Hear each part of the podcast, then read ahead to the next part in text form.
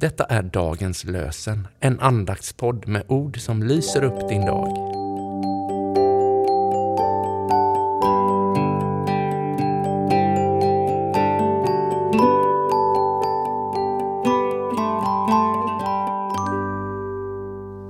Det är kyndelsmässodagen och vi läser ur Gamla testamentet dagens lösenord från Predikaren 7 och 15.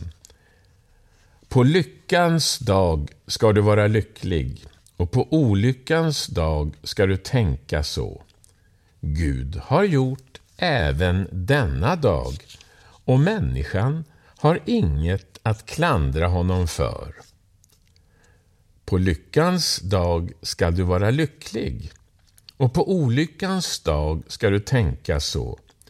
Gud har gjort även denna dag och människan har inget att klandra honom för. Och så läser vi från Matteus 6 och 26. Se på himlens fåglar. De sår inte, skördar inte och samlar inte i lador, men er himmelske fader föder dem. Är inte ni värda mycket mer än det? Se på himmelens fåglar. De sår inte, skördar inte och samlar inte i lador, men er himmelske fader föder dem. Är inte ni värda mycket mer än det? Vi ber. Jesus, du finns hos mig. Lär mig att urskilja din närvaro. Påminn mig varje gång jag hör fåglarna sjunga att du stigit ner i min vardag. Jag behöver inte slå knut på mig själv för att uppleva dig. Låt denna hemlighet som varit fördold men nu är uppenbarad genomlysa mitt liv. Hanna Värlegård. Och så lyssnar vi på kyndelsmässodagens evangelium som är hämtat ur Lukas evangeliets andra kapitel, vers 22 till och med 40. När tiden var inne för deras rening enligt Moses lag tog de honom till Jerusalem för att bära fram honom inför Herren.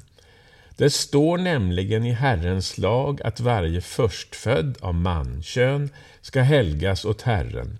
Och för att offra två turturduvor eller två unga duvor, så som det är föreskrivet i Herrens lag. I Jerusalem fanns en man vid namn Symeon som var rättfärdig och from och som väntade på Israels tröst. Helig ande var över honom. Och den heliga anden hade uppenbarat för honom att han inte skulle se döden förrän han hade sett Herrens Messias.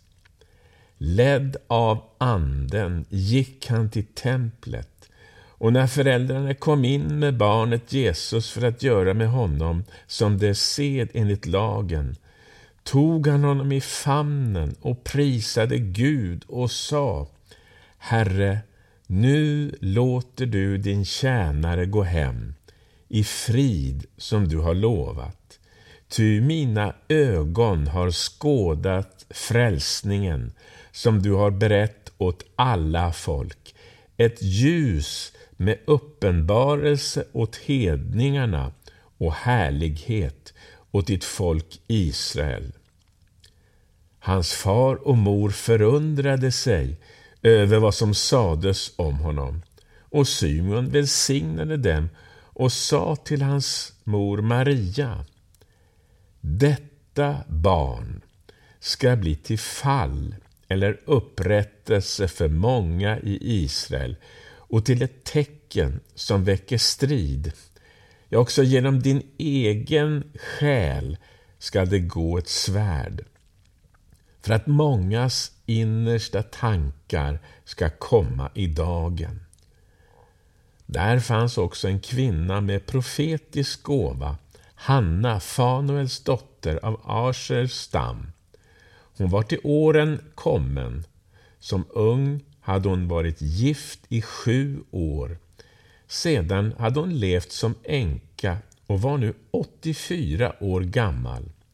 Hon vek aldrig från templet utan tjänade Gud dag och natt med fasta och bön.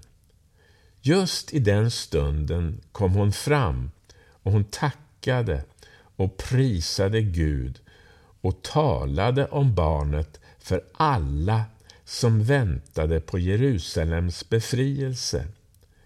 När de hade fullgjort allt som föreskrivs i Herrens lag återvände de till sin hemstad Nasaret i Galileen. Pojken växte och fylldes av styrka och vishet och Guds välbehag var med honom. Låt oss be. Tack, himmelske Far, att du sände din son till världen som ett himmelskt ljus i vårt mörker. Tack för att du kom för att ge oss alla hopp och räddning. Vi överlämnar den här dagen i dina händer och ber om hjälp att följa ditt ljus, din vägledning. Amen. Ta så till sist emot Herrens välsignelse. Herren välsigne dig och bevare dig. Herren låter sitt ansikte lysa över dig och vare dig nådig. Herren vände sitt ansikte till dig och ge dig frid. I Faderns och Sonens och den helige Andes namn. Amen.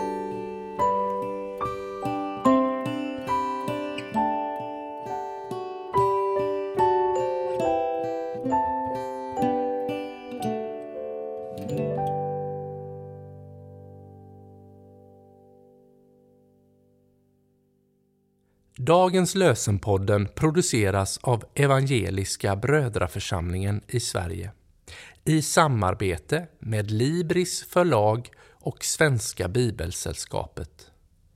Bibeltexterna är hämtade från Bibel 2000. Stötta gärna vår podd genom att gå in på hemsidan dagenspodd.se. Där finns information om oss som medverkar och alla episoder finns att ladda hem där. Du kan också lämna ett ekonomiskt bidrag till poddens framtid, vilket vi vore väldigt tacksamma för.